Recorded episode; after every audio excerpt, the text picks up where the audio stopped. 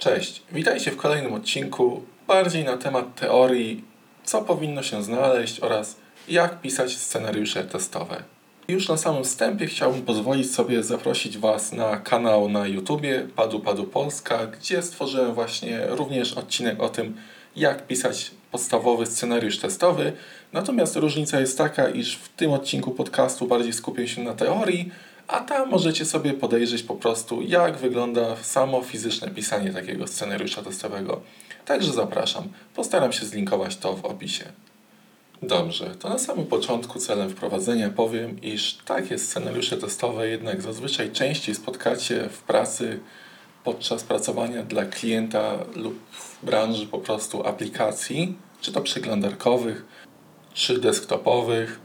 Niestety, no, w branży gier jednak często są to testy eksploracyjne, często też nie wykonujemy tych scenariuszy, aczkolwiek zdarza się. Jeśli chodzi o same scenariusze testowe, to nie są to jakieś trudne rzeczy, natomiast często spotykam się z tym, iż właśnie testerzy nie, nie spełniają powiedzmy tych kilku podstawowych zasad dobrego scenariusza testowego i robi się straszny syf, straszny bajzel na projekcie. Wystarczyłoby spełnić kilka podstawowych zasad i już pisaliby świetne scenariusze testowe.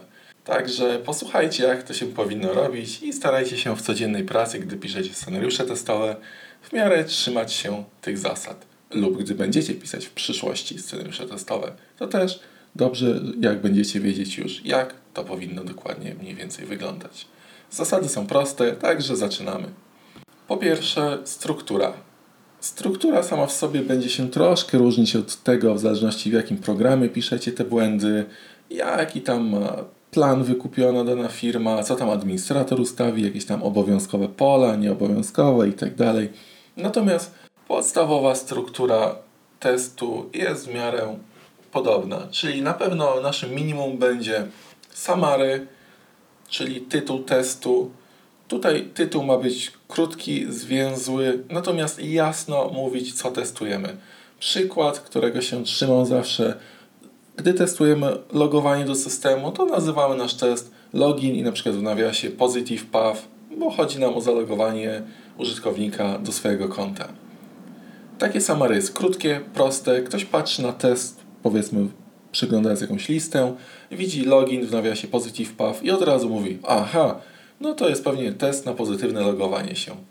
No i tak też jest. A wyobraźcie sobie, że nazywacie ten test jakoś dziko, nie wiem, test, account, after login with credentials, correct, coś tam, coś tam. To oczywiście też może być poprawne, no ale już jest dłuższe, już ktoś tam gdzieś tam się zlewa komuś. Starajmy się samary, czyli nazwę testu, trzymać krótką, ale jak najbardziej sensowną. Dalej w tej strukturze oprócz samary, czyli tytułu testu, potrzebujemy też description. Natomiast tutaj description jest bardzo takie luźne, w zależności od tego, co Wam się tak naprawdę przyda na projekcie. Może to być sam opis testu, czyli przy tym oknie logowania byśmy opisali w tym teście sprawdzam logowanie się do systemu używając pozytywnych danych istniejącego klienta. Oczekuję, iż zostanę zalogowany poprawnie i możecie na tym zakończyć. Możecie też dokładać dodatkowe informacje, na przykład środowisko, na jakim to będziecie testować. Może co tam jeszcze i co oczekujecie na końcu, co jest waszym stanem wejściowym do tego testu, czyli od czego zaczynacie. Może trzeba jakieś dane szczególne przygotować, coś przed testem, to to też możecie umieścić w tym drugim dziale, czyli description. W tym momencie mamy już dwie sekcje, których trzymamy się przy pisaniu scenariuszy testowych. Jest to, jeszcze raz przypomnę, summary i description. Natomiast trzecim i ostatnim takim obowiązkowym elementem scenariusza testowego jest, są po prostu kroki, po angielsku steps. Steps, czyli jak się łatwo domyślacie, szczegółowe kroki, które rozpisujemy. Przykładowo krok pierwszy otwieram przeglądarkę, krok drugi wchodzę na stronę jakąś tam www.onet.pl czy jakąkolwiek tam testujecie. Krok trzeci klikam w okno zaloguj się. Krok czwarty wpisuję dane klient, dane tego istniejącego klienta czy tam użytkownika, wszystko jedno. Klikam zaloguj się i tyle. Sprawdzacie w ostatnim kroku, czy rzeczywiście klient, czy tam użytkownik zostali przeniesieni do e, swojego konta i na tym kończycie test. I to są kroki, czyli rozpisane dokładnie, dosłownie kroki, które w teście musicie wykonać, aby test takowy przeprowadzić. Tutaj jako dodatek do tego, co już omówiliśmy, czyli summary, description steps, możecie też dorzucić lub zlinkować, jeśli używacie Jiry czy tam jakiegoś programu, który pozwala na linkowanie, wymaganie, które tak naprawdę tym testem pokrywacie. Czyli jeśli jest tam wymaganie jakieś osobny tam ticket, który właśnie mówi o tym, iż macie być w stanie się zalogować do swojego konta, no to linkujecie to wymaganie z waszym testem i przez to, gdy kiedykolwiek ktoś miałby wątpliwości, co ten test sprawdza, no to widzi jasny link, klika w niego, otwiera mu się właśnie historyjka, która mówi o tym, iż klient ma móc się zalogować do swojego konta, no i wszystko już jest jasne. Także kończąc, kończąc pierwszy punkt, struktura taka minimalna to summary, description steps, czyli po polsku tytuł naszego testu, opis naszego testu i kroki dokładne do wykonania naszego testu, a w ramach dodatku możecie jeszcze też zlinkować, czyli złączyć z jakimś tam wymaganiem, które ten test pokrywa. Także to był taki najdłuższy krok, pierwszy, struktura samego testu. Natomiast teraz przejdźmy do bardziej teoretycznych kroków, co należy robić i co tutaj często testerzy niestety zapominają i przez to jakość scenariuszy testowych bardzo się psuje. Także co należy robić? I tutaj po pierwsze w takim scenariuszu testowym piszemy jasno. Nie domyślamy się w scenariuszu niczego. Pamiętajcie, iż jedną z głównych takich złotych zasad jest fakt, że ten scenariusz testowy, który wypiszecie, niekoniecznie musi być przez Was, albo nawet w niektórych przypadkach nie powinien być, przez Was potem wykonywany. Czyli wypiszecie scenariusz testowy, a inna osoba z zespołu testowego będzie go wykonywać. Także ta zasada pierwsza, o której mówimy, nie ma w scenariuszu testowym domyślania się niczego. To, że dla Was coś jest oczywiste, że Wy wiecie, no przecież oczywiste jest, że muszę kliknąć przycisk zaloguj się, będąc na stronie głównej, żeby przejść do okna logowania, to już może nie być takie oczywiste dla osoby, która przyjdzie na Wasz projekt, tester i będzie chciał wykonać ten scenariusz. Także pierwsza zasada, piszemy jasno, nie ma domyślania się, zakładania, że co, coś jest oczywiste. Piszemy dokładnie, wszystko w testach, w krokach tak naprawdę. Łącząc kolejny krok z tym właśnie teraz omówionym, niestety jest to najczęstsza przyczyna słabej jakości scenariuszy testowych i wszystkich problemów, które z tym wynikają. Czyli oprócz tego, że piszemy jasno, nie domyślamy się niczego w scenariuszu, nagminnie testerzy robią kolejny błąd, a mianowicie nie piszą szczegółowo testów. Także mamy drugi taki punkt, powiedzmy złotą zasadę, którą zaraz omówimy. Piszemy szczegółowo scenariusze testowe. Aby było jasne o czym mówię, to często spotykałem się z tym, iż mamy scenariusz testowy, który zakłada sprawdzenie naprawdę jakiejś ciężkiej aplikacji, coś tam zrobienie na bazie danych, wejście na przeglądarkę, wyklikania czegoś.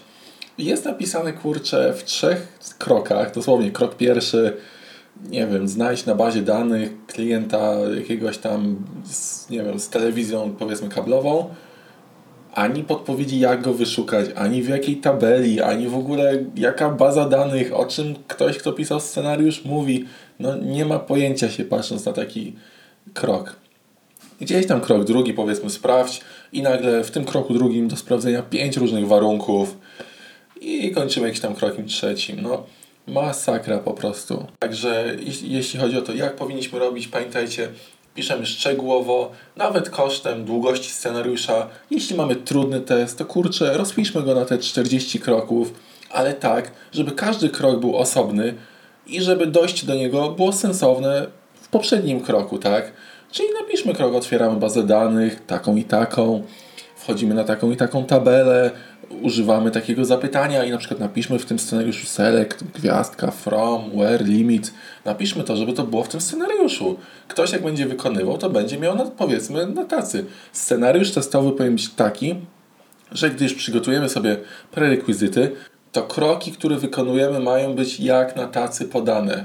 Tam nie ma miejsca na domyślanie się, co mamy wykonać, tam nie ma miejsca na domyślanie się, jak dojść do tego momentu, Także zapamiętajcie, dobry scenariusz testowy powinien być taki, w którym osoba, która go nie pisała, która na przykład nie zna tej aplikacji, może od pierwszego kroku do ostatniego przejść, nie zastanawiając się, jak dojść do następnego kroku. To powinno wynikać z poprzedniego kroku. Czyli dla przykładu jeszcze raz, jeśli mamy mieć do wpisania login, to poprzedni krok musi nam czysto i jasno mówić: kliknij w przycisk, zaloguj się i dopiero to nam otworzy okno logowania, gdzie właśnie ten login będziemy mogli wpisać. My w testach nie domyślamy się, jak tam dojść. Takie scenariusze są złe, w których się domyślamy, lub które są napisane w trzech krokach, gdy jasno widać, że powinno to być opisane w 20, żeby to było dobrze napisane. Także jak Wam mówiłem, to jest najczęstszy błąd. Po prostu ludzie piszą szybko te scenariusze, bardzo niedokładnie, znają tą aplikację, mówią, no po co będą rozpisywać, jak dojść tam, przecież no wiedzą jak dojść. Bardzo duży błąd, nie robimy tak. Najprostszy przykład, no po co taki test rozpisany, jeśli osoba powiedzmy, no teraz jest duża rotacja, odejdzie z firmy, pójdzie do innej, na jej miejsce przyjdzie nowy tester i co on ma zrobić z takimi scenariuszami, gdzie są trzy kroki, on nie ma bladego pojęcia, jaka baza danych, jak dojść do okna logowania powiedzmy. Tak, napisane testy są złe, nie róbcie tak, a jeśli robicie to, co mówimy za chwilę w następnym kroku, czyli komuś przeglądacie taki test, to odrzucajcie takie testy, nie dawajcie zielonego światła, piszcie, że są za mało rozpisane, niejasne i tak się nie powinno robić. Pamiętajcie, to dużo od nas zależy, jakie będziemy mieć testy, jaki będziemy mieć porządek, że tak to powiem, w naszym ogródku testowym. Także scenariusze dokładne i nic się tam nie domyślamy. Wszystko powinno znaleźć się w krokach. I może ostatnia taka złota zasada, oczywiście jest ich wiele więcej, natomiast taka, która chciałem Wam opowiedzieć – gdy macie większy zespół testowy, gdy jest na to możliwość, w procesie jest to oczywiście zawarte, po tym jak Wy napiszecie już test, albo jak Wasz kolega napisze, napisze test, wymieniajcie się nimi do tak zwanego review, zanim ustalicie, iż test jest gotowy. Co to oznacza? Oznacza to po prostu przejrzenie testu. Czyli wyobraźmy sobie, że piszemy test od góry do dołu i ma summary, description, kroki uważamy, że jest skończony, natomiast ostatnim krokiem, zanim puścimy go powiedzmy dalej do wykonania, jest przypisanie do niego innego kolegi, koleżanki z zespołu testerskiego z prośbą o review, czyli przejrzenie tego, co tam napisaliśmy. Review polega na tym, iż taka osoba nie wykonuje tego testu, nie sprawdza tego, czy dokładnie te kroki, które tam są napisane, są rzeczywiście odzwierciedlone w aplikacji, natomiast sprawdza, czy to ma sens, czy nie ma literówek, czy jest to napisane zrozumiale w języku angielskim oraz czy na pierwszy rzut, rzut oka są te kroki na przykład szczegółowe. Także proście o review, jest to dobry, dobry zwyczaj. Czasami wkradną się jakieś copy-paste błędy, czyli kopiuj wklej, coś tam gdzieś przykleimy, będzie błąd. Świeże spojrzenie osoby z boku pomaga. Jest to bardzo dobry pomysł, jeśli tylko mamy większy zespół. Tak samo wyróbcie innym review. Piszcie Wasze uwagi, jeśli coś Wam się nie podoba na tym etapie już, gdyż wtedy taki test wraca do tej osoby, ona nanosi tam kilka poprawek i ulepszony w dużo lepszej wersji ten test idzie dopiero dalej do egzekucji. Także myślę, że to tyle, jeśli chodzi o takie bardzo podstawowe zasady, jak pisać testy. Mam nadzieję, że przyda Wam się to, wyniesiecie coś z tego. Jeszcze raz przypominam o tym, iż jeśli chcecie podejrzeć, jak fizycznie wygląda pisanie takiego testu, to zapraszam na naszego YouTube'a, Padu Padu Polska. A w tym odcinku to już wszystko. Dziękuję Wam, że posłuchaliście i do usłyszenia w następnym odcinku.